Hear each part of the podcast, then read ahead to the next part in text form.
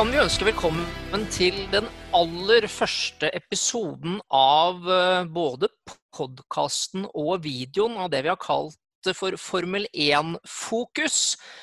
Og her skal vi snakke om eh, Formel 1 i tiden fremover. Og i tillegg til eh, meg, Atle Gulbrandsen, så har jeg da med meg mine to kollegaer fra Viasport, Henning Isdal og Stein Pettersen. Og vi sitter som seg hør og bør i disse dager på hvert vårt hjemmekontor. Men eh, du Stein, det ser ut som du sitter i Baku akkurat nå? Ja, jeg brøt eh, reiseforbudet hårfint i, i forkant, så det får, uh, er viktig å få med seg litt av det som skjer. En, en, virtuell bakgrunn der altså. Og du Henning har eh, skrytepokalene dine bak deg, ser jeg. Ja, dette er ikke virtuelt. Eh, men eh, altså, Det er jo alvorlige tider, men akkurat i dag så er jeg litt lei meg. For jeg, rett før vi gikk på her, fikk jeg en mail fra Amazon.co.uk som fortalte meg at den boka jeg hadde bestilt, Jason Platos 'How Not To Be a Racing Driver', den var utsolgt. Jeg vet ikke hvorfor det. Det kan jo ha noe med den nåværende situasjonen å gjøre. Sannsynligvis. Det er, det er, ja, det er spesielle tider for, eh, for alle, spesielt eh, for Formel 1-fans også verden rundt. og det Derfor så har vi da bestemt oss for å starte en, en podkast. Dette har vi jo, for å være helt ærlig, snakket om i mange år, egentlig. Eh, men personlig så har jeg tenkt at disse fredagstreningene vi har hatt, har vært litt podkast. For da har vi hatt tre timer, og mer enn det også, til å, til å snakke litt om løst og fast i Formel 1. Men nå er det jo ikke noen fredagstreninger heller, så jeg syns jo, eh, Stein, at det er på tide at vi også starter vår egen Formel 1-podkast. Absolutt, eh, det har, har vi savna. Og jeg tenker at selv, selv nå, da, hvor det skjer såpass lite, fabrikken er stengt og, og ting er i en slags unntakstilstand, så skjer det jo fortsatt uh, veldig mye der ute. Så det er mer enn nok å snakke om. Og så, så vet vi at Henning har et utømmelig lager av uh, historier fra de siste 50-60-100 år. Så dette kommer til å gå helt fint. Ja, men Det er bra. Eh, aller først, da, Før vi begynner å snakke om Formel 1, så skal vi kanskje være litt alvorlige og spørre er, er helsa i behold. Har dere det bra om dagen? Jeg har det veldig bra, i hvert fall. Jeg er så heldig og privilegert at jeg bor nærmest på landet og har muligheten til å gå ut og, og, rett ut i skogen. Så det er klart, eh, man føler jo at friheten er begrenset, og det er en ny situasjon. Den er jo lik for alle. Ja, det samme gjelder for så vidt eh, for meg. Vi merker jo at, eh, at det er en, en, spesiell situasjon. Det er bare å, å, dra ut. Jeg så noen som hadde lagt ut et eh, bilde fra pendlerparkeringa her eh, ikke så veldig langt unna der jeg bor, klokka kvart på ni på mandag. og Det var ikke én bil på parkeringsplassen. og det, Du mangler bare den der atomsoppen i bakgrunnen, så, så er, er det nesten komplett. Godt å høre at helse er i behold. Det er det for eh, oss her i Oslo også. Men nå skal vi snakke om Formel 1, og det, det som skal være tema, da, primært i hvert fall, i denne podkasten fremover. Vi får jo bare prøve oss litt frem, for dette er jo da den aller, aller første episoden av det som forhåpentligvis blir mange. Men Formel 1 er jo som alt annet i samfunnet også bare snudd opp ned om eh, dagen. Status akkurat nå er jo at Australia Grand Prix er avlyst. Monaco Grand Prix er avlyst. Og seks andre løp er da per definisjon utsatt. Og eh, fortsatt så er det sånn at det første løpet på terminlista er Canada Grand Prix i juni. Aller først, Stein, tror du at det blir noe Canada Grand Prix i juni? Ekstremt skeptisk til Canada Grand Prix i juni. Eh, og det baserer jeg også litt på at eh, de aller første som gikk ut og sa at de ikke kom til å sende deltakere til OL i Japan, eh, det var Canada, før det ble avlyst. At de eh, kom til å invitere eh, hele det omreisende Formel 1-sirkuset fra relativt hardt ramma England det høres ikke, og Italia. Det høres ikke veldig sannsynlig ut akkurat nå. Jeg tror vi må, må innse at uh, veldig mye av uh, av første del av den sesongen er, er godt, og at uh, vi i beste fall klarer å komme i gang når vi er godt ute på, på, sommeren. Ja, for Det er jo Frankrike da, som er etter Canada. Hva tenker du om det, Henning? Nei, det, jeg har ikke så veldig store håp for Frankrike heller. Og spesielt ikke med den utviklingen som har vært i Frankrike når det gjelder koronaviruset de siste dagene. Det er jo disse sydeuropeiske landene som er hardest rammet. Altså Spania, Italia selvfølgelig, og, og nå også Frankrike. Ehm, så jeg vet ikke om det er mulig at man må se på da og kanskje starte sesongen først i uh, juli.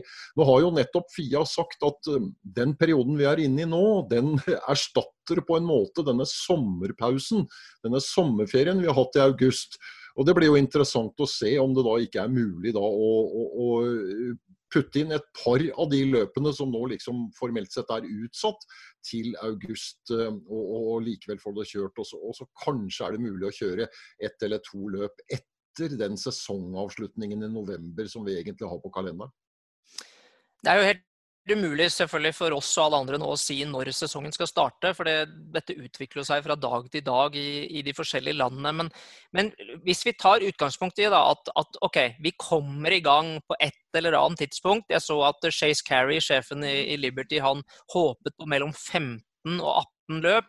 Mm. Det høres kanskje optimistisk ut, men, men, det er vel i utgangspunktet så skal det være 15 løp, tror jeg, for at man skal opprettholde kontrakten med TV-kanaler osv. Men når du har en situasjon som dette som heter kan vel kalles force majeure, så, så, så, kan man kanskje komme unna med færre løp også.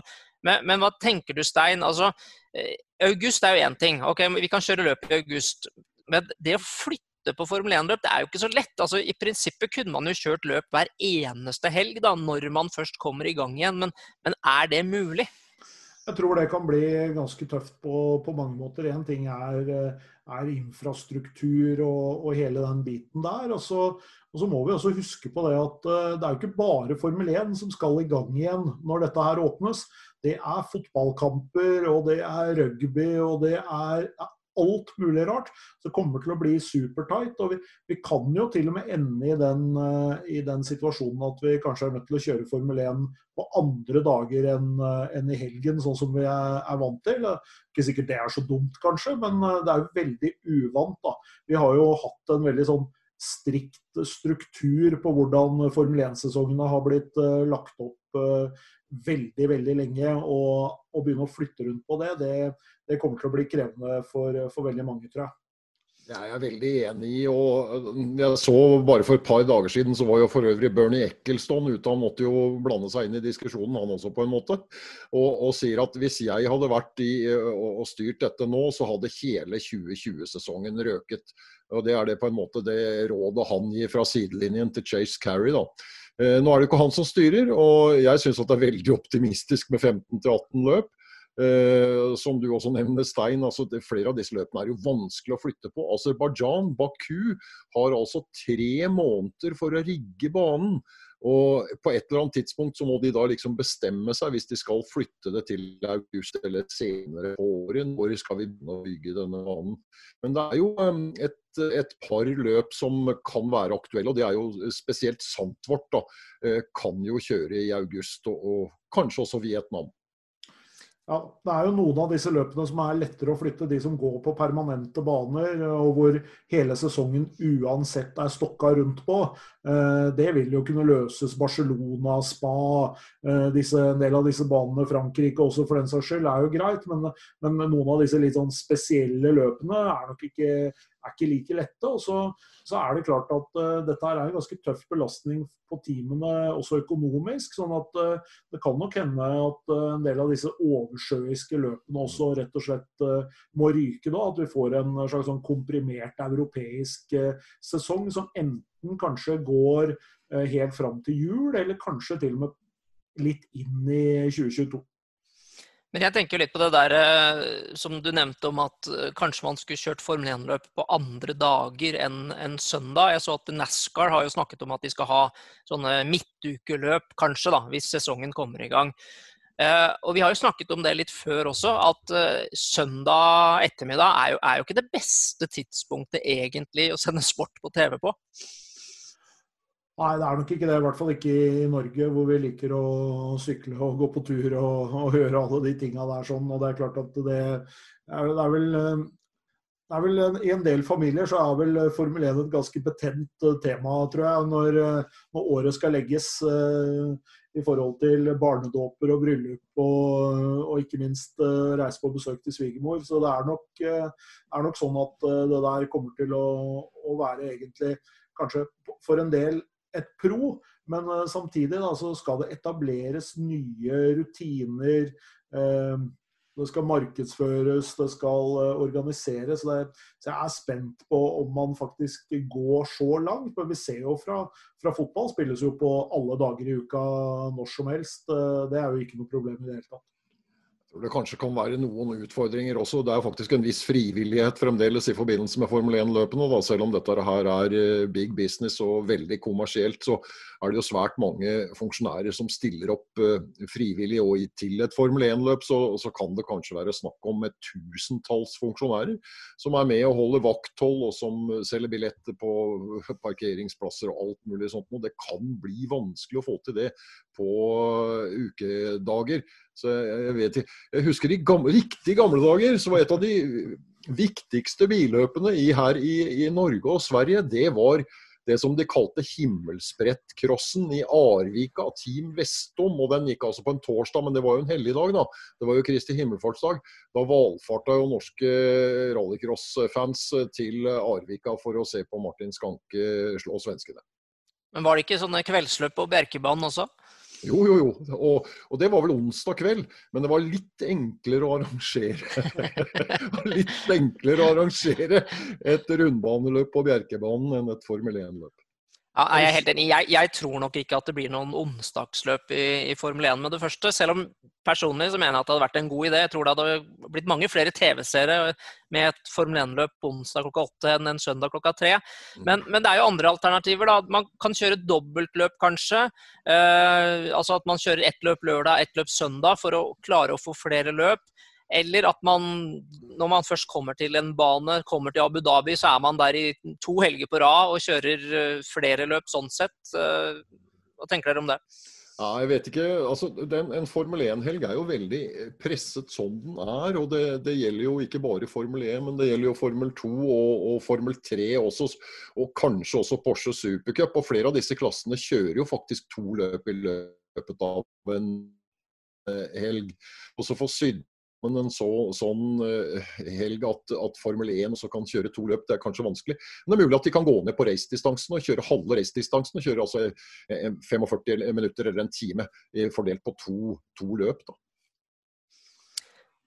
Det er viktig å beholde det er litt viktig å beholde liksom det som er Formel 1 også. Litt den derre eh, Jeg har snakka altfor mye om det, selvfølgelig, om det pinnacle og motorsport, men det er liksom i, det øyeblikket vi går ned på ting som, som ligner mer på sånn one make uh, series med en gang, så, så, så, så, ryker liksom noe av magien, da. Vi er ikke uenige, men, det men det er jo ikke sikkert det gjelder alle. Det, det kan jo være veldig forskjellig, det. det Eh, det kan jo hende at uh, type sprintløp hadde vært uh, morsomt i Formel 1, men jeg, jeg, ser ikke for meg at man kommer til å klare å, å gjøre så store endringer den sesongen. her. Nå tror jeg stort sett det handler om å redde stumpene, klare å holde fansen engasjert.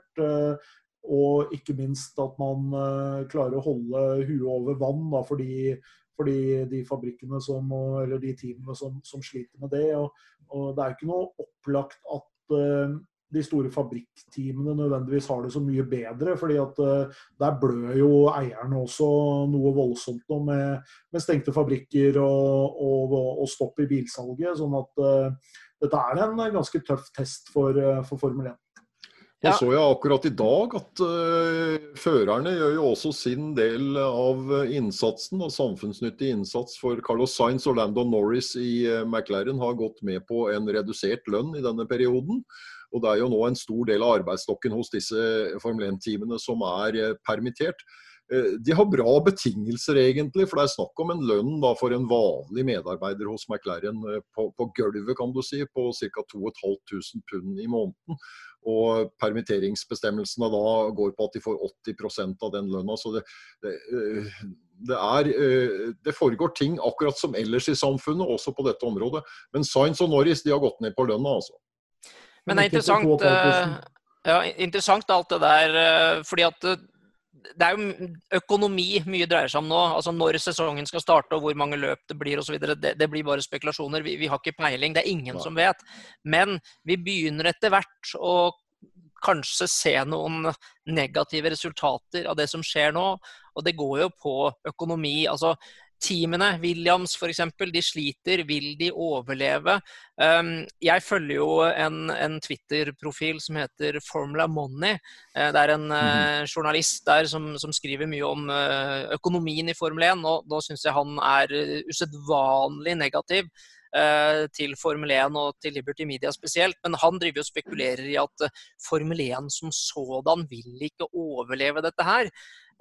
Jeg tror nok at det er litt vel mye dommedagsprofeti. Men vi kan jo begynne å stille spørsmålene hvor mange team stiller til start neste år? Altså Vil alle overleve det som skjer nå? Jeg vet ikke hva du tenker om det, Stein. Du var jo også inne på dette med, med de store fabrikkteamene. Mercedes, Ferrari, Renault. De også taper jo penger som, eh, som bare det om dagen.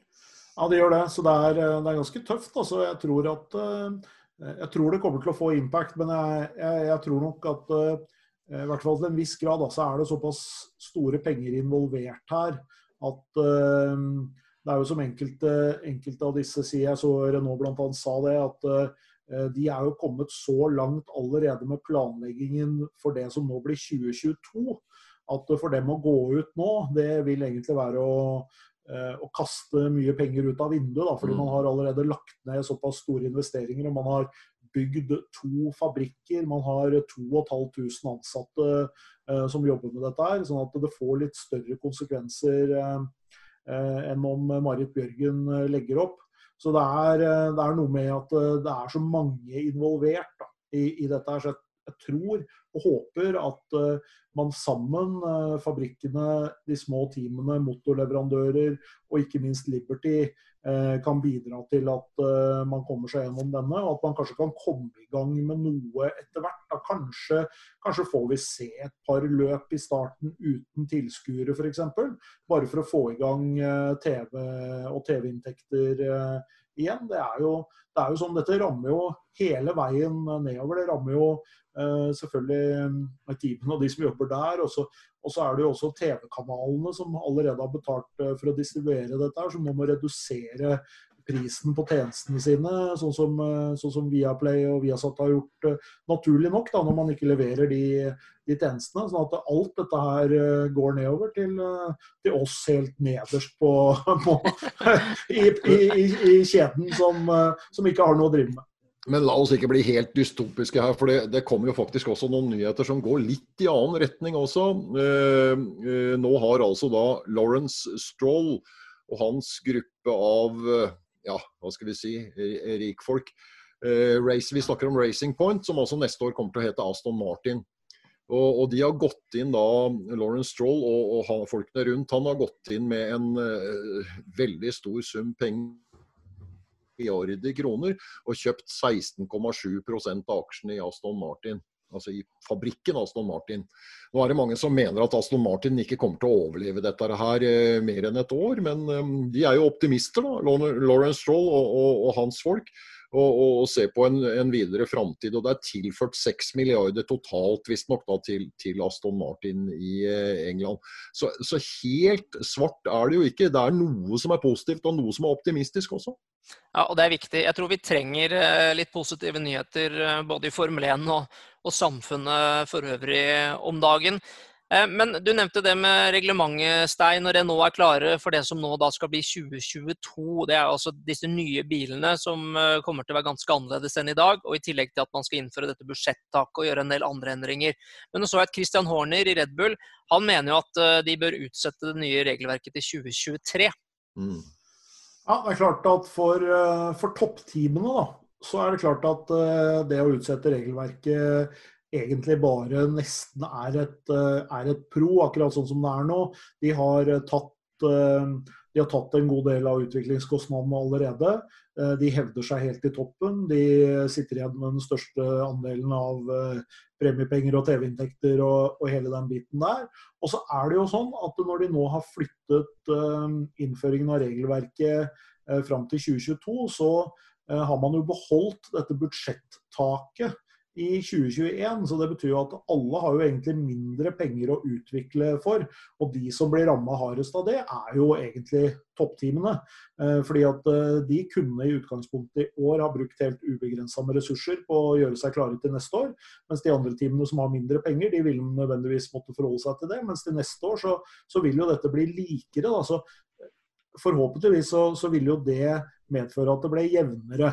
Eh, det er klart Hvis, eh, hvis Christian Horne får viljen sin og man kan dytte det enda et år til, så vil det jo være lettere for de store teamene å, å fortsette å dytte penger inn i det, samtidig som de jobber med å utvikle de bilene de har. Så, så her er det nok også litt spill. Det det er, et, eh, det er, jo faktisk satt en begrensning på det nå når man har eh, sagt at eh, nå får dere ikke lov til å utvikle videre til det som skulle være det nye reglementet i 2021. Da snakker vi om det tekniske regelverket. De, de har på en måte satt hele den videre tekniske, teknologiske utviklingen på vent. Og kan da ta den opp igjen eh, neste år for, eh, for eh, å, å, lansere dette nye regelverket og de nye bilene i 2022. Og De skal kjøre med samme chassis i 2022 nå da, som, som, de har laget til årets sesong. Så her spares det jo faktisk noen penger. og, og de, de venter med å utvikle videre til vi er i gang igjen for fullt. Jeg håper jo ikke at Eh, det nye regelverket blir utsatt enda et år, selv om jeg innser at det er en ganske stor sjanse for det. Men jeg er redd for at hvis eh, det ikke blir noen nye regler før i 2023, så tror jeg vi med ganske stor sikkerhet kan si at Louis Hamilton blir verdensmester både i 2020 og i 2021 og eh, kanskje i 2022 også. Nei, så, nei, nei, nei, Atle. det, det, det, er, det, er jo det ene. Men det, men det andre er jo, som, jeg, som vi har snakket om litt på TV-sendingene våre, og som jeg har skrevet om i denne nye bloggen som jeg har begynt med hos dere, Stein, formel1.no, så er det jo det at jeg mener at Formel 1 har jo nå et sånn momentum, kaller jeg det, i mangel av noe bedre norsk ord. Eh, og spesielt da i Norge. Og det er på en måte tre eh, årsaker, hovedårsaker til det, sånn som jeg tenker det. Det ene er jo den Netflix-serien som har gjort at Formel 1-interessen worldwide, og, og, også i Norge, er eh, kjempehøy. Altså vi vet jo ikke dette, men jeg opplever den nesten som høyere enn noen gang. I, i hvert fall i min tid i Formel 1, som er siden 1997. Eh, det er den ene greia. Den andre greia er jo det nye regelverket, som jeg personlig tror vil være kanskje den beste regelendringen i Formel 1s historie. Jeg, i motsetning til dette Formula Money som jeg nevnte i stad, eller han Christian Sylt, da, som han heter, som hater Liberty Media, så elsker jeg Liberty Media. Jeg syns de står for veldig mye bra. Og den tredje tingen for oss i Norge er jo Dennis Hauger som er på vei oppover. Og Skulle han kunne klare å komme til Formel 1 når vi har denne enorme interessen pga. Netflix, og vi kanskje får et produkt som er enda bedre pga. nye regler, så vil jo interessen i Norge bare eksplodere. Men nå kan jo alt dette her gå veldig bra, selv om det nye regelverket blir utsatt. Altså, det, ikke, det, står på en måte ikke å, eh, vipper pga. det, men, men, jeg håper jo inderlig at man får i gang disse nye reglene. For jeg syns, jeg syns de er så lovende, da, det som er vist frem. Men det er jo ikke Christian Horner som skal, uh, som skal, beslutte eller bestemme dette. Uh, men han kom med et synspunkt om å utsette til 2023. Og det tror jeg ikke han får noe gjennomslag for, egentlig. Jeg tror at Liberty er veldig innstilt på å gjøre sånn som de nå har sagt.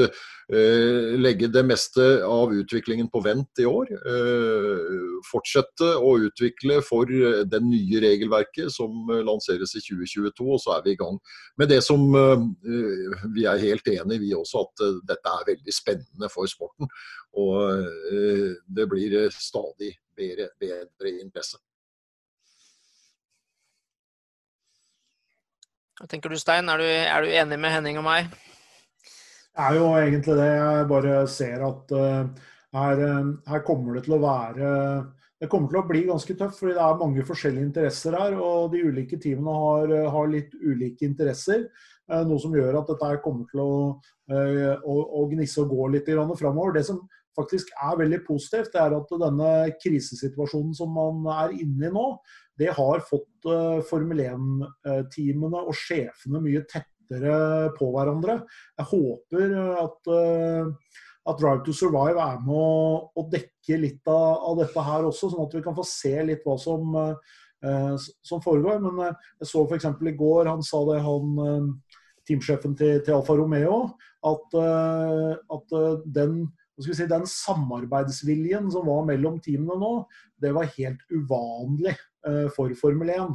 Uh, eh, og det er klart at Sånne kriser de, de drar jo folk uh, litt sammen. Det merker man jo i, i, mange sammenhenger. det, og Det tror jeg kommer til å stemme litt her også. Så kanskje, når vi kommer ut av dette, her, så, så får vi kanskje et, et Formel 1 som, som, er litt mer styrka og litt mer felles i forhold til å, å, være med på å bygge Formel 1 opp igjen da, til, til det det skal være. Det er jo et skikkelig paradoks. og Nettopp i 'Drive to Survive' så er det jo Toto Wolff som forteller at uh, miljøet i paddocken er rett og slett fiendtlig.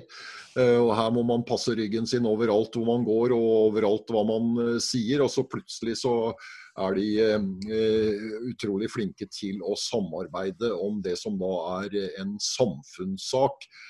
Det kan godt være positivt for Formel 1 i videre framover også. Og Apropos samarbeid og samfunn, vi kan uh, skifte tema litt. fordi mm, selv om vi er veldig opptatt av Formel 1 og hva som skjer med Formel 1 om dagen, så er jo det tross alt ikke det viktigste. Uh, vi har en verdensomspennende krise, og da slår plutselig Formel 1-teamene til. Og bruker da sin kompetanse nå til bl.a. å lage respiratorer. Og dette er jo bra, da tar teamene samfunnsansvar. Og eh, Stein, jeg vet ikke, spesielt i Norge, det er kanskje ikke så mange som vet hvilken enorm kompetanse som sitter hos disse Formel 1-teamene? Nei, du vet, Dette her er jo verdens beste ingeniører, en del av dem. Eh, sånn at eh, de er vant til å, å jobbe med veldig avanserte, avanserte ting. Og det man jo ser at man driver med nå da, ute hos en del av disse her, det er jo det er jo sånn, hva heter det for noe, reversed engineering. altså Du plukker ting fra hverandre, og så, og så lager du en kopi. Det er jo dette kineserne bl.a. har vært uh, ganske gode på gjennom mange år. Og, og, det er klart at når, eh, når en del av disse her veldig, veldig dyktige ingeniørene uh, gjør dette her sånn, så kommer man utrolig fort opp å kjøre. Uh, og et Formel 1-team og disse folka her sånn, de er jo, de er jo de er jo drilla på å jobbe mest mulig effektivt uh, og, og, løse den type oppgaver. sånn at uh, når de nå først kommer i gang, så går det jo utrolig fort. Og så har de jo selvfølgelig verdens beste produksjonsutstyr. ikke sant? De har, de har sånne bakovner for kevlar og karbonfiber. De har verdens beste sånne fresemaskiner. De kan gjøre nesten hva som helst og lage alt helt fra bånn av. En Formel 1-bil er, er, jo ganske lite standardbiter i, i en sånn bil. Nei, Det er jo det som er veldig interessant. At, og, det, og, det, er det kanskje mange som, som, i dag følger Formel 1 som sport, som ikke er klar over at Formel 1-teamene også er produksjonsbedrifter, og det på et veldig veldig høyt nivå. Det er, det er som du sier, Stein. Altså, de kan frese enhver metallegering, de kan lage karbondeler. og, og Formel 1-bilene, i hvert fall for de store teamenes del, er jo bygget fra bånn av. Konstruert og tegnet og bygget skrue for skrue Eh, karbonbit for karbonbit fra bunnen og opp. Og det er enorme ressurser som de besitter i form av hundrevis av utrolig dyktige, dyktige folk som, som, kan gå inn og, og, jobbe med helt andre ting enn å lage fire Formel 1-biler i løpet av et år. Altså. Og Det er jo det de nå har gjort, og som er så positivt. Og jeg er helt sikker på at de respiratorene kommer til å bli utrolig bra. Det er klart Når Adrian Newey uh, setter i gang med dette, her sånn, så blir det ikke noe, blir det ikke noe tull. Det blir blown diffuser på, ja. på respiratoren, så du må bare holde igjen. men, men apropos teknologi. Eh, vi, vi, eh, vi kan, Istedenfor å snakke om respiratorer, så kan vi jo snakke litt om at det var jo altså, en, en, stor nyvinning foran årets sesong. Nå har det vel allerede blitt sagt at uh, den blir ikke tillatt i 2021, men blir det noen løp i år, så kan det hende at vi får se dette DAS-systemet til uh, Mercedes. Vi, vi, snakket jo litt om det i denne forhåndssendingen som vi hadde på Viasport og Viaplay også, men vi kan jo snakke litt mer om det. For, for det er jo interessant, Henning, at Mercedes finner opp et system som er like enkelt som det er genialt, egentlig. Ja, altså justere toe in, toe out, altså spredning og spissing ved å dra eller skyve på rattet. Så enkelt er det altså. Eh, og Mercedes var jo i, i forkant av dette her. Når denne ideen dukket opp, så var de i kontakt med Fia og fikk eh, bekreftet at dette her var innenfor regelverket. Nå har jo flere team, da, og spesielt Red Bull, sagt at hvis de kommer med dette på banen, så kommer vi til å protestere på det. og Derfor så har også Mercedes sagt at OK, vi skal ikke kjøre med dette i 2021 uansett hva som skjer. Så de har på en måte godtatt at systemet da dual axis steering er diskvalifisert med en gang vi kommer over i 2021. Men eh, det er jo eh, fantastisk morsomt å se oppfinnsomheten og kreativiteten hos teamene. Og historien er jo full av eksempler på dette. Eh, det er jo bare å gå tilbake. Og ting skjer fort i Formel 1, altså. Og det er jo nettopp fordi at disse ingeniørene, som Stein sier, er så utrolig kreative og dyktige. Ja, vi har jo noen morsomme, morsomme, historier. Det er jo utrolig mye å ta av selvfølgelig når det kommer til teknologiske nyvinninger. Men det er jo noen som har fått mer oppmerksomhet enn andre. Tyrell med seks hjul f.eks., ja. Stein? Ja, det er klart det at uh, Det er jo sånn at uh, veldig mye av det mest fantastiske, det har jo enten blitt forbudt, Ellers så har det jo ikke blitt oppdaga. Det er jo også litt av greia her. at eh, Det er jo mye av de innovasjonene som, som har blitt gjort nå. Vi har jo, vi snakka mye om Ferrari og, og, og denne, denne, gjennomstrømningsmåleren og alle disse tingene her. Og, og, det er klart at vi kan helt sikkert når vi ser tilbake og ser hvilke team som har dominert Formel 1, for det har det jo alltid vært team som har gjort, så er det klart at det, det er ikke alle ting som har vært 100% innafor eh, den meget tykke regelboka til, eh, til, til Fia, men, eh, men, sånn er det. Og det er jo også en del av det å være det ypperste innenfor motorsport. Du, du, trenger de folka som er villige til å gjøre det lille ekstra. Og noen ganger så blir det litt for mye ekstra, men det, det tenker jeg det er, det er jeg villig til å leve med. Det er bare moro. Og, og in, denne innovativiteten den har jo foregått i, i 50-60 år, faktisk. Eh, jeg, leste en liten historie som jeg syns var veldig morsomt. og Det var jo eh, denne filmen 'Grand Prix' fra 1966. Regissert av John Frankenheimer, en av de beste racingfilmene selv i dag, faktisk. Eh, de benyttet jo masse autentisk opptak under 66-sesongen, men så måtte de jo ha noen biler som uh, førerne liksom skulle kjøre. da. Uh, et par av skuespillerne kunne faktisk ikke kjøre bil i det hele tatt, det var en helt annen sak. Men James Garner, som hadde en av hovedrollene, han var, han var riktig flink, da. Det, det sier jo historien. Det som de da gjorde, det var at Jim Russell Racing School på Donington, er det vel de holder til, tror jeg? Stemmer ikke det opp med? Jo, i hvert fall de var der, om de fortsatt eksisterer, så ja. Ja, uh, De uh, fikk i oppdrag om å rigge et antall Formel Junior-biler, som i dag kan du si det er Formel 3, da. De så ganske like ut, altså i størrelse og sånt, i forhold til datidens Formel 1-biler. Men det ble jo en kjempemessig hodepine for stakkars Jim Russell. For han laget jo disse bilene når sesongen startet, og da så de ganske like ut. Plutselig så, så, skjedde det jo ting med Formel 1-bilene som plutselig så helt annerledes ut, med noen små vinger. og Det var jo ikke disse store vingene som vi har i dag, men de forandret seg jo i løpet av sesongen. Så han Jim Russell han måtte jo bygge om disse Formula Junior-bilene til stadighet. Og det kostet jo vanvittig mye penger for å holde tritt med utviklingen til ingeniørene. Så det, selv den gangen altså, så skjedde ting så fort. Og ingeniørene i disse garasjistteamene som jobba på jordgulv borte i Storbritannia, de var altså så dyktige og så smarte. Men dette her eh, eh, altså, skiller jo Formel 1 og motorsport litt fra, fra, en del andre idretter, tenker jeg. fordi at Hvis man sammenligner med doping, som vi også har gjort litt før, så er det jo sånn altså hvis Therese Johaug da har hatt denne leppekremen som var ulovlig, så, så, er det på en måte straff, og du blir utestengt i så og så lang tid, og det er fordømmelse fra omtrent hele verden. Men hvis et Formel 1-team blir tatt for å ha strukket strikken litt langt, så kanskje man får en liten straff. Men, men det er likevel, eh, opplever jeg, da, litt mer akseptert enn, enn hva doping er i annen idrett.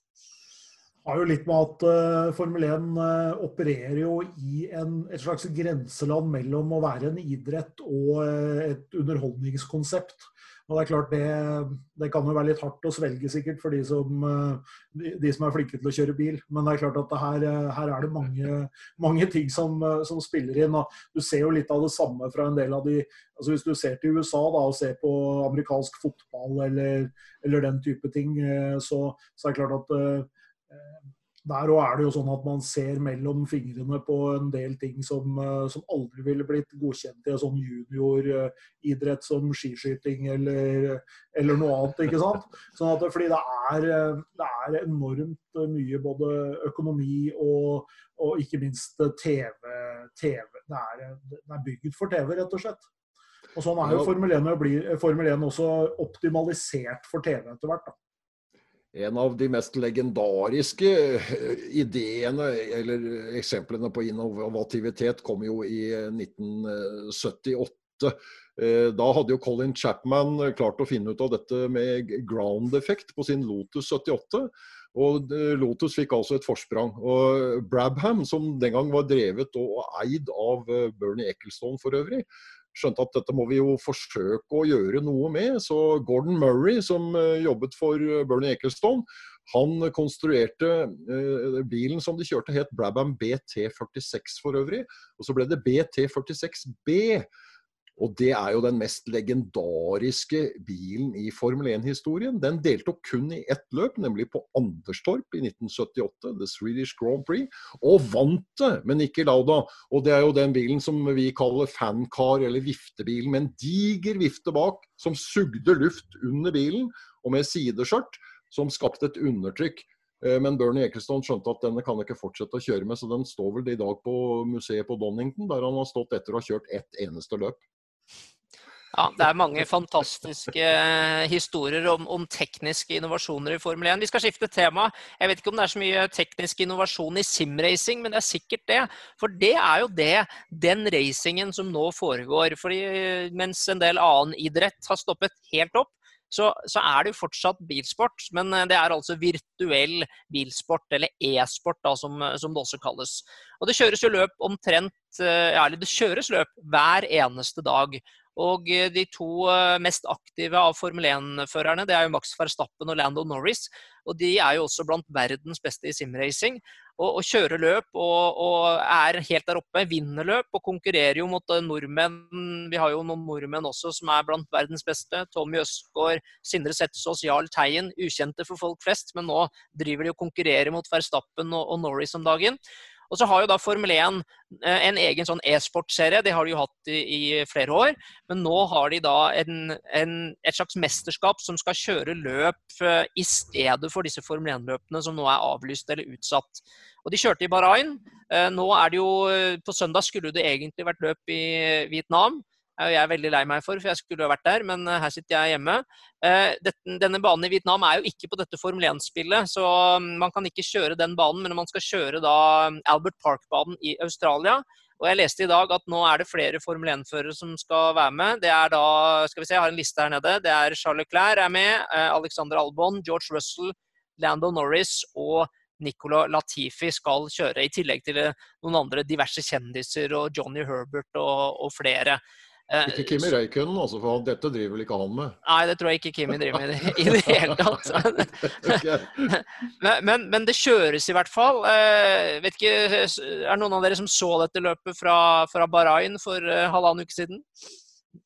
Nei, jeg så det ikke. Men, men jeg, jeg, vet ikke, jeg, jeg så jo denne NM-runden i simracing, som jo vel er med Porscher, og for så vidt hadde fantastisk eh, deltakelse også av veldig mange unge norske talenter. Og vil jeg si det at Det er utrolig bra for de aktive førerne å faktisk ha dette. fordi at det er jo eh, eh, reelt. altså Du kan ha en, en direkte relevans til det å sitte i en racerbil og kjøre.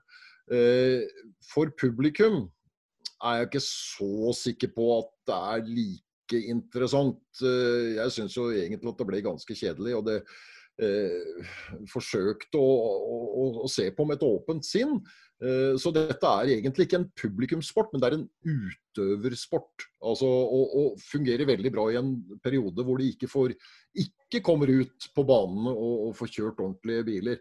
Eh, så Sånn sett så er det, er det, veldig veldig bra. NASCAR har vel også en, en, en sånn simracing-serie for øvrig. Og Det høres ut som det er som om maling tørker, altså. Men jeg, jeg, jeg, er ikke, jeg, er ikke, helt enig med deg, Henning. For jeg også så dette, jeg så dette løpet i Simracing Grand Prix, da, som nå i år har fått offisiell NM-status. Og De kjørte da på Suzuka, kjører med Porscher alle sammen. og eh, Der var jo Dennis Hauger og, og flere mm, førere fra virkeligheten også med.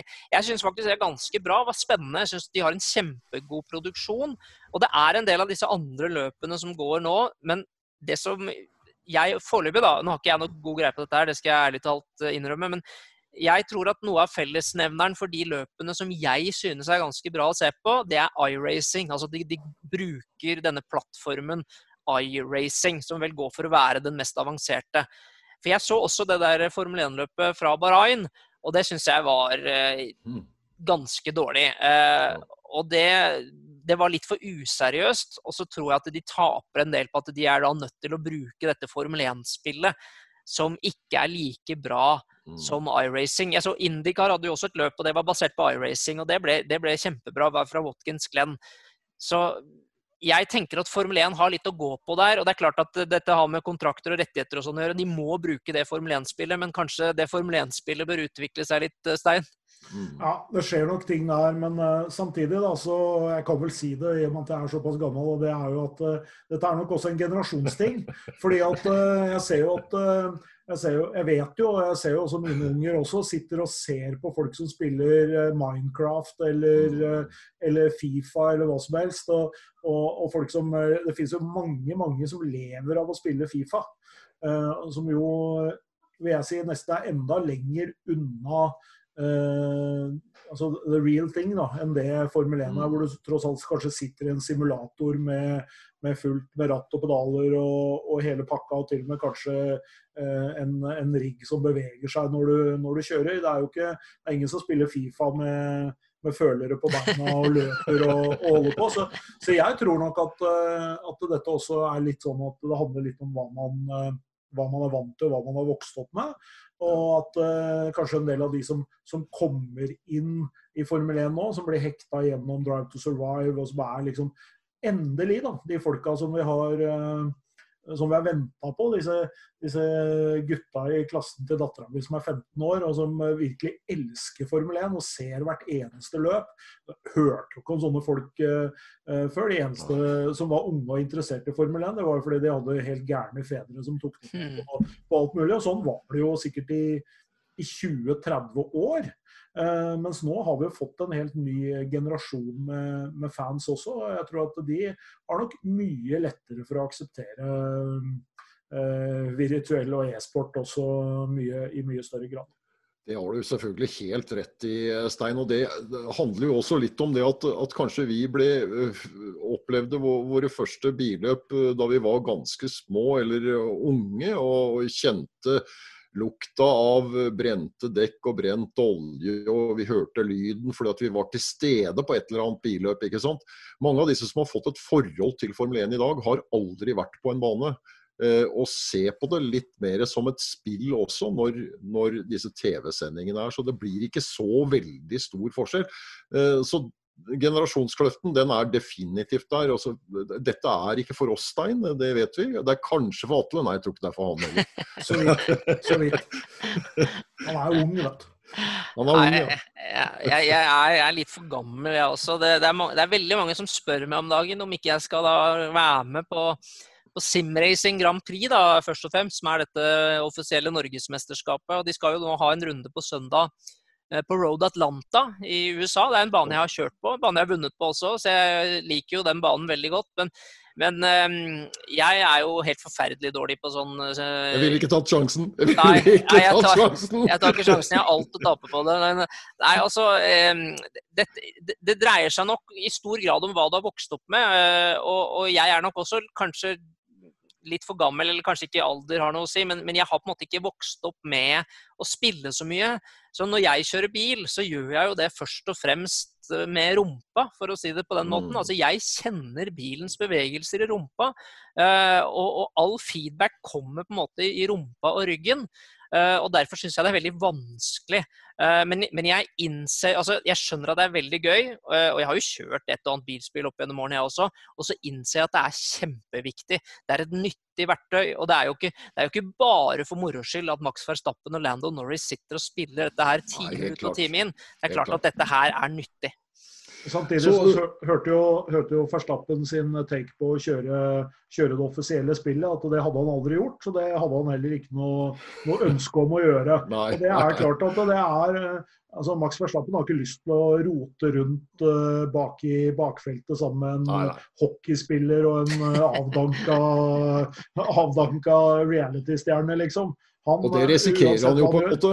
Ja, klart han gjør det. at uh, her, Dette handler jo mye om å, å, kunne spillet også, selv om det selvfølgelig hjelper ekstremt mye å, å vite hvordan, uh, hva slags spor du skal kjøre og sånn. For, for, disse her uh, simulatorene som ligger i bånn for en del av disse spillene, er jo veldig veldig gode. De, de der simuleringsmodellene er jo utvikla gjennom 20-30 år, så, så, noe av det er jo sinnssykt bra. Det er ikke noe tvil om det. Men samtidig så er det klart at det handler jo litt om Det er jo nesten som for han å, sette seg inn i en, en, helt annen bil i en helt annen klasse. Han, han, vil ikke være helt i toppen der heller, men det er nok lettere for ham å, å hoppe inn i en rallycrossbil antagelig og, og kjøre ja, bra enn det er å, enn det er å bytte spillplattform.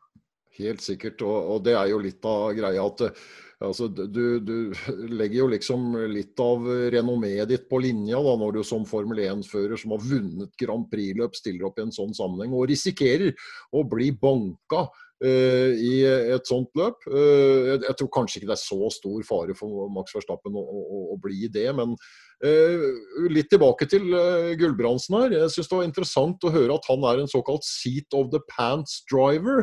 Og da, da, da, kan vi legge han i samme kategori som Kekke Rosberg og Ronny Petterson. Eh, det er bra kompliment, Atle. Ja, tusen takk for det.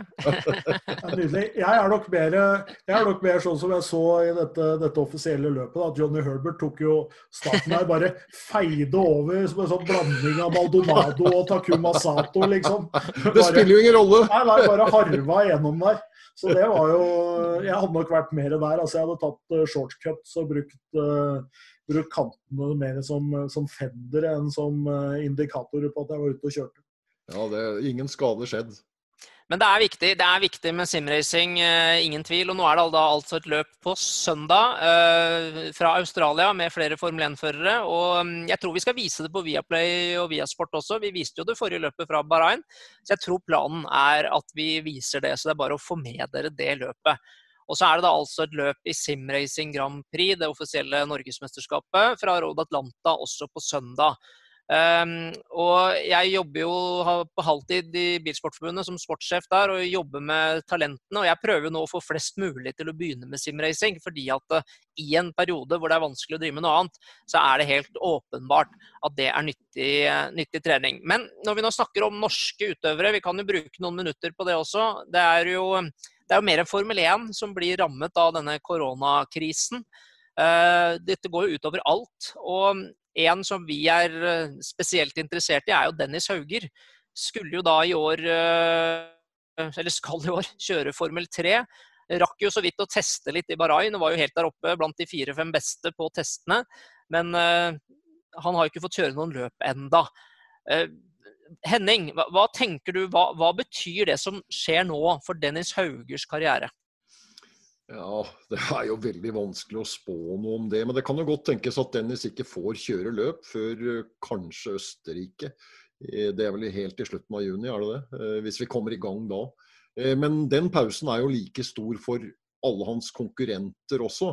Så det er jo eh, sånn sett ikke noe forskjell på det. Alt er jo blitt satt på vent. Eh, og hva det gjør for hans eh, karriere, det, det, det tror jeg ikke nødvendigvis har så veldig mye At det spiller så veldig stor rolle, dette som skjer nå.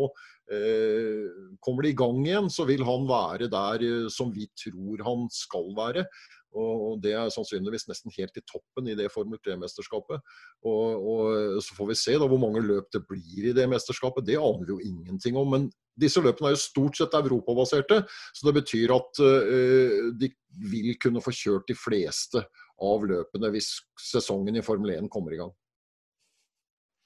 Hva tror du, tror du, Stein? Altså, det som jeg er litt redd for, da, merker jeg, det er jo at ikke, at ikke at det er noen stor krise, men at det kanskje det som skjer nå, betyr at for Dennis Hauger og for veldig mange andre unge førere så forskyves alt med ett år, da, for å si det på den måten.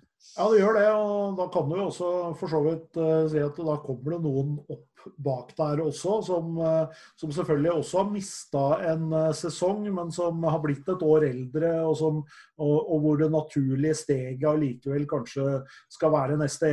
Men jeg tror akkurat nå så tror jeg dette er verst for Dennis sjøl. For jeg kan bare tenke meg altså, om jeg hadde hatt en sinnssyk bil stående i garasjen borte hos naboen her som jeg ikke fikk lov å gå og kjøre. Det, hadde jo vært, det må jo være ganske pyton for hans del. Han, han, har jo gira seg opp eh, for dette her, selvfølgelig. Gleda seg. Eh, kan ikke si som et barn, men han har, det, det kan hende. Men han er i hvert fall bare utrolig klar for å, for å komme i gang. Så er klart at dette her er eh, er ikke perfekt timing, men jeg tror han, han, har bare en så utrolig talent og, og evne at dette her kommer til å gå bra når han bare først kommer seg i bilen.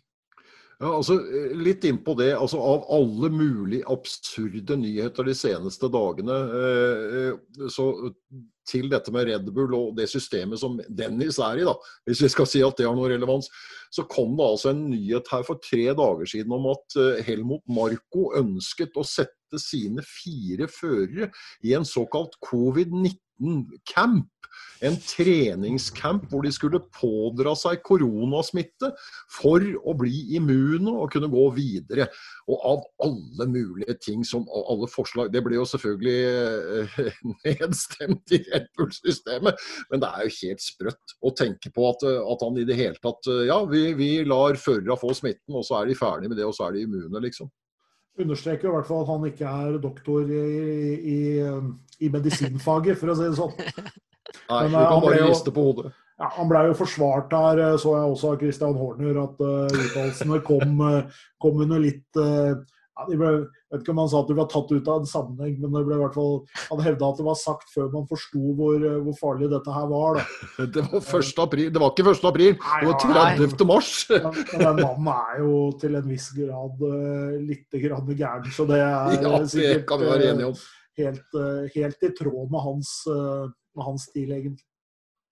Men det som kanskje kan bli et alternativ for noen norske, norske, førere som i utgangspunktet kjører i utlandet, har jeg tenkt, det kan være å kjøre i Norge. fordi jeg tror ikke vi skal se bort ifra at bilsport i Norge vil starte opp igjen før man kan begynne å krysse landegrenser og sette seg på fly og sånne ting.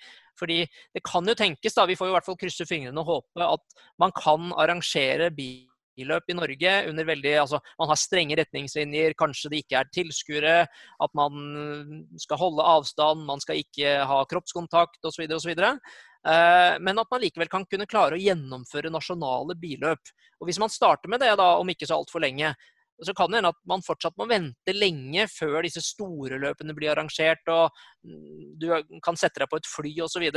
Så kanskje Dennis Hauger og andre norske talenter må begynne å tenke på å skaffe seg en bil for å kjøre i Norge også? Altså, det, er, det er jo litt av utfordringen. da, og eh, her er, Vi snakker om Mats Siljehaug, Marius Snakken, eh, Markus eh, Poverud, Martinius Stensorne. Han har jo sin egen karriere i gokart for øvrig, da, men, og, og, et par andre eh, som, som, jo er på vei mot en internasjonal karriere og jobber med det. Eh, men det å skaffe biler å kjøre med, det er nå kanskje den altså, og, og, noe som har relevans til det de holder på med, det er kanskje den største utfordringen. Eh, det de, vi derimot kanskje kan se, er at noen av disse velger å kjøre gokart, hvis det kommer i gang igjen på eh, en del norske baner. Og, og, Det er vel kanskje det som først kommer i gang hvis vi er i gang med organisert trening og løp i Norge. Ja, det tror jeg du har rett i. Og det er jo en veldig nyttig trening også. Det er jo, altså Formel 1-førere nå bruker jo gokart som trening. Så for å ta Dennis Hauger som eksempel igjen, da. At han eh, kanskje nå skaffer seg en uh, gokart for å begynne å kjøre i Norge igjen. Det, ja. det er vel ikke helt uh, utenkelig. Eh, ellers så leste jeg jo at eh, Supercars i Australia de, de har jo et håp om å komme i gang igjen om ikke så altfor lenge. Ved at de kan begrense antall mennesker på banen til 500 personer. Hmm. Og da tenkte jeg på Formel 1, og det blir vanskelig i Formel 1. For der er det vel et par tusen stykker i hvert fall som reiser rundt i Formel 1-sirkuset, er ikke det riktig, Stein?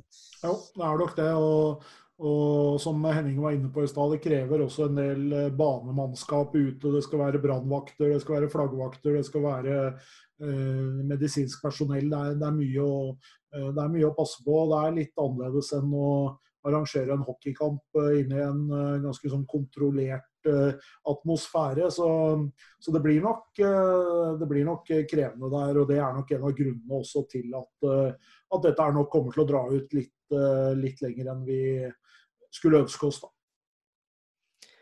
Vi begynner å nærme oss eh, timen, karer. Så vi mm, sa at vi skulle holde oss under en time i denne første podkastepisoden vår av Formel 1-fokus, som vi har eh, valgt å kalle den. Um, som vi begynte denne podkasten eller denne videosendingen med, så, så, vet vi jo like lite som alle andre om når Formel 1-sesongen skal starte igjen. Eh, men det vi vet, er jo at det skal kjøres da et virtuelt Formel 1-løp eh, fra Australia på søndag, som eh, jeg tror ganske sikkert at vi skal sende på, på Viasport og Viaplay. Og så driver vi og sender en del klassiske løp om dagen, så det går an å kose seg med det også. Og så håper jo vi da at vi kan begynne å få jobbe litt igjen nå. For det, det, altså, det, er, det, er, veldig mange som, som, lider av det som skjer nå. og Aller verst er det jo for de som blir syke og de som dør. og Stakkars de som jobber i helsevesenet, og det er mange som mister jobben og som er helt arbeidsledige.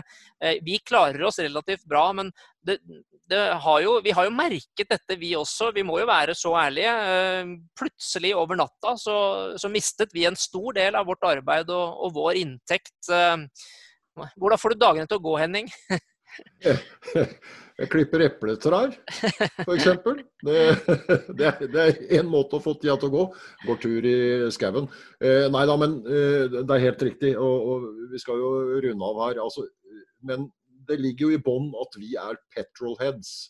Eh, og vi har hatt dette både som hobby og, og, yrke og interesse i mange mange år. Vi ønsker at det skal komme i gang så fort som mulig. Men vi må bare forholde oss til det som er eh, ståa akkurat nå. Og er vi heldige så kommer vi i gang kanskje i slutten av juni. Jeg vet ikke hva du tror, Stein? Jo, jeg er, eh, er begrenset optimist. Eh, jeg ser nok for meg at vi kanskje til og med er godt ut i juli før, før, noe skjer, og i verste fall kanskje til og med i august. Og jeg ser nok for meg at vi kanskje kommer til å få noen løp som er litt annerledes enn det vi er vant til å se. Kanskje som sagt noen løp uten tilskuere, eller, eller, i litt andre formater. Man har jo snakket mye om dette her å, å redusere racehelgen til to dager f.eks. Eh, og kjøre mer back to back, da, sånn at man f.eks. kjører tre helger etter hverandre. og Man kjører Ungarn, eh, Italia og Belgia f.eks. Eh, etter hverandre. Så er det klart at det, det minimaliserer litt av, av, transportkostnadene. og det er klart at Hvis man ikke skal ha masse VIP-gjester, man skal ikke ha eh, kanskje så mye media, en del sånne ting, så kan man også klare seg med litt enklere rigger. Da. Man trenger kanskje ikke disse voldsomme paddock-slottene som man drasser med seg rundt. Og da kan man nok gjøre ting uh, litt, litt enklere. Ja, jeg er i hvert fall klar for å jobbe hver eneste helg, om det må til, når vi endelig kommer i, i gang igjen. For alle vi tre, vi ønsker oss både jobb og, og inntekt tilbake. Det, det, er ganske viktig. Og i, frem til det da, så får vi lage podkast, vi får lage videoer. Eh, dere som eh, har lyttet eller sett på, eh, kom gjerne med kommentarer. Kom med spørsmål dere har, så kan vi ta opp det i eh, fremtidige episoder. Eh, hjelp oss gjerne med å dele. Eh, vi skal jo legge ut dette her på Facebook og på YouTube og, prøve å spre det mest mulig. Vi har jo også nettsiden din, Stein, som heter formel1.no. Der er det vel daglige Formel 1-nyheter. Der har jeg også begynt en liten blogg. Og vi er jo på sosiale medier alle sammen. Så det er bare å ta kontakt, og så får vi prøve å holde trøkket oppe mest mulig. Kanskje vi får til noen Formel 1-sendinger på, på, Viaplay og Viasport fremover også. Vi, vi får satse på det. Uh, men nå runder vi av den første episoden av Formel 1-fokus. Og så kan vi vel love allerede nå at uh, vi eh, kommer tilbake om ikke så altfor lenge med en ny episode.